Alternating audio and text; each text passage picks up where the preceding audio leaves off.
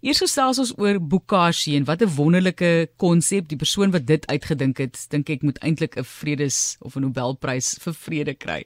Dalk liewer vir die omgewing of wetenskap, maar Natasha, Natasha de Wet is nie ateljee, sy is die stigter van Circular Homes.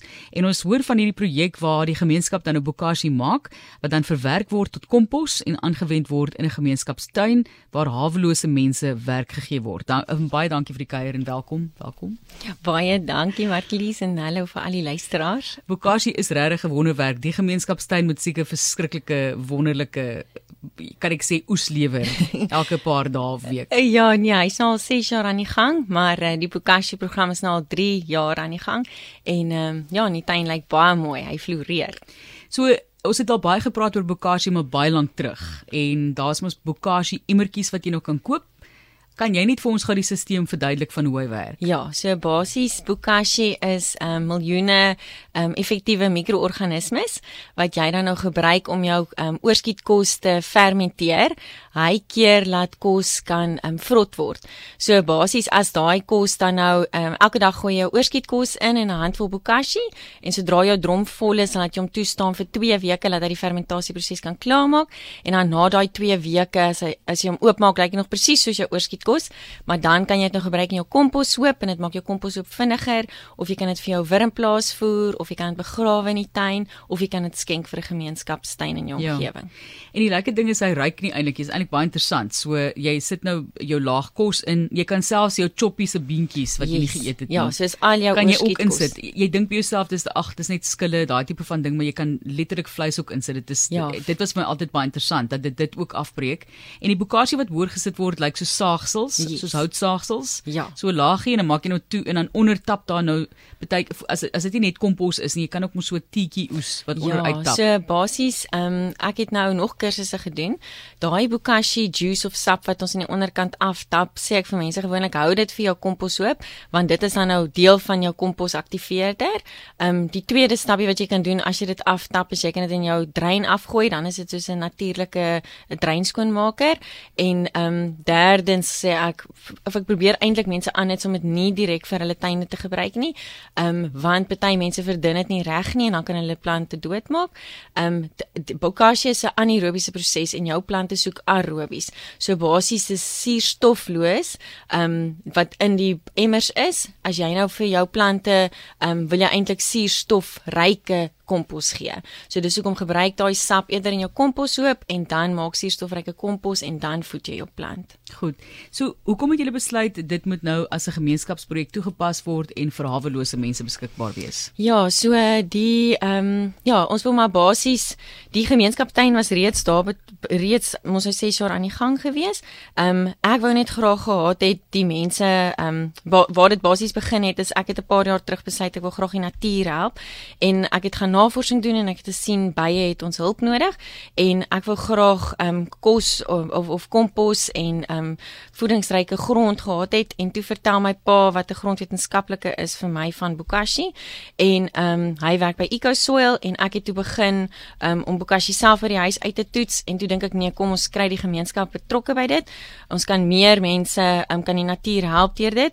En toe het ek gegaan na ons naaste gemeenskapstuin toe en hulle het toe um, gesê dis reg ons kan die projek loods en toe het ons ehm um, Februarie 2019 nou die eerste drom begin en nou tot dusver het ons 1300 oor die 1350 ehm um, dromme ingekry wat ons dan nou kompos mee maak en dan voed ons nou die die tuin daarmee. En dan die gemeenskapstuin dis die hawelose mense wat daar werk en hulle ehm um, Ja, basies daai die groente wat daar geplant word gaan dan vir die Thomas House of Hope of vir die familieskuiling of die nagskuiling um, of Bright Lights kinderskuiling en ehm um, ja, en so word die hawe mense, hawelose mense ook gehelp met voedsel. So as mens net kan gesels die wisselwerking daar want ek het nou genoem byvoorbeeld voordat ons nou begin het dat hierdie tipe van bokashi tee of hoe dit ook al sê as jy dit nou reg gebruik soos jy sê kan ook voorkom dat jy regtig enige pestbeheer hoef te gebruik. Is dit waar? Is dit so dat 'n mens minder daarvan hoef te gebruik in die tuin? Jy het nou gekyk na verskillende fasette, jy het gekyk na die bye, ja. ons omgewing, hawelose mense en feit dat jy verskil wil maak op daardie vlakke. So werk dit vir julle. Ja, so ehm um, pestbeheer uh, basies gaan dit oor jou grond se gesondheid. So hoe gesonder jou grond is, hoe minder peste sal daar wees.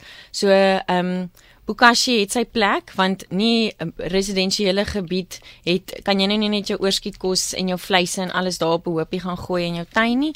Ehm um, dis hoekom dit help om eers die goed te fermenteer en dit dan ordentlik te komposteer. Basies as jy 'n komposhoop wil maak, wil jy werk op 60% breinmateriaal, 30% groenmateriaal en 10% misstowwe. So partykeer as mense sê hulle ehm um, tuine is nie 'n sukses nie of die komposhoop is nie 'n sukses nie, is van hulle te veel groenmateriaal in die kompos sit. So sodra jy jou kompos reg maak, dan voed jy jou grond, dan jy gesonde grond, het jy dan minder peste. Ehm um, ek kan nie sê dat die bokashi sap werk spesifiek vir pestbeheer nie. Ehm um, wat ek wel kan sê is ehm um, ek het 'n kliënt gehad wat 'n rotprobleem gehad het en vandat sy ehm um, bokashi begin gebruik het in haar kompos, op het sy minder rotte gehad. Ek het 'n ander kliënt wat ehm um, 'n uh, bobbejaan probleem het en ehm um, vandat hulle bokashi, hulle kos net reg fermenteer op die komposhoop en hulle het hulle komposhoop toegemaak met elektriese heininge, het hulle ook minder ehm um, nou kom jy by jou glad nie meer na hulle asblikke toe nie. So daar is 'n definitiewe plek vir dit in die samelewing. Ehm um, maar ek sou nie sê spesifiek vir pestbeheer ehm um, in jou in jou groentetuin nie, die sap nie nee. So kom ons gesels oor wat julle alles lewer, wat oes julle tans? Uh ja nee, daar is iets van alles. Daar's wortels en beet en ehm um, ja, spinasie is baie populêr en kuil. Ehm um, en dan kry ons ook van boere van die omgewing af twee organiese boere. Ehm um, so hulle sal tipies ook vir ons tomaties inbring en dan die dametjies maak ook vir ons allerlei konfyte en ons het ook heuning, ehm um, rou heuning wat ons skryf van vergeleë area af. Fantasties. So, kom ons vra net vir jou die toekoms. Wat lê vir julle voor? Hoe groot wil julle gaan hiermee? Want daai daar is daai behoefte en daai behoefte gaan ook net groter raak. So, gaan julle 'n wyeer spektrum van mense kan kan kan help op hierdie manier en gaan julle ook dalk ander areas help in die land wat dieselfde ding wil doen. Ja, so ek is nou tans my volgende projek wat ek nou mee besig is is by die familieskeiling. So ons het nou begin om hulle kos te um, fermenteer met bokashi en ons het nou komposhope nou daar begin maak. Die plan is om nou daar uit te brei en nou ook nog 'n tuin daar te maak. Ehm um, en dan wil ek graag ek wil graag op groter skaal gaan. So ek wil ehm um, uh, mense in die omgewing nader om te kyk of ek nie 'n groter stuk grond kan kry nie want ek wil graag meer besighede en nog ehm um, ja, nog uh, vir mense van die gemeenskap veral Stellenbosch area ehm um, kry wat hulle net die wat nou nie by hulle huis kan kompos maak nie, kan dan hulle dromme vir ons soontoe bring en dan kan ons dit komposteer. Wat ons ook doen by die gemeenskapstuin vir elke 10 dromme wat die mense bring, gee ons vir hulle sak kompos terug. So is basies maar net om ja, te keer dat jou afval oorskietkos nie asoop toe gaan nie en laat dit op in die grond opeindig of in 'n komposhoop opeindig waar dit bedoel was om te wees. Ehm um, want om net 'n statistieke te gee hier in Weskaap alleenlik het ons um, 24 asoope. 21 van hulle is tans vol of krities vol, so ons het 3 asoope oor en niemand wil langs 'n asoop bly nie en asoope is veronderstel om onder gevoer te wees en bo ook laat dit nie metaangas en gifstowwe ehm um, deursyfer na die grondwater toe nie. So ehm um, en net 10% van die land se ehm um, ashope word reg bestuur. So basies gaan dit jou eie verantwoordelikheid by jou huis wees om te kyk waar jou kos uh, oorskietkos heen gaan. Ehm um, ja, so jy kan by Bokashi projek betrokke raak. So ideaal wees as ons dit verder in die land kan uitbrei. Ehm um, Ja, so mense kan definitief ja. met my kom gesels dat ons kan kyk hoe. Daar is reeds reëlings dat jy laterand nie meer jou enigiets kan weggooi nie. Daar ja. daar gaan hierdie reëls kom. Hulle het al klaar daaroor gesels. So hier is nou vir jou plan met daardie kompos wat jy kan maak. Kyk, ek dink maar mense wat in woonstelle en so in bly, dit raak bietjie moeiliker. Waarheen gaan jy daarmee? Dalk moet jy dit maar byvoorbeeld hier op die promenade in Seepunt gaan sprinkel oor die gras.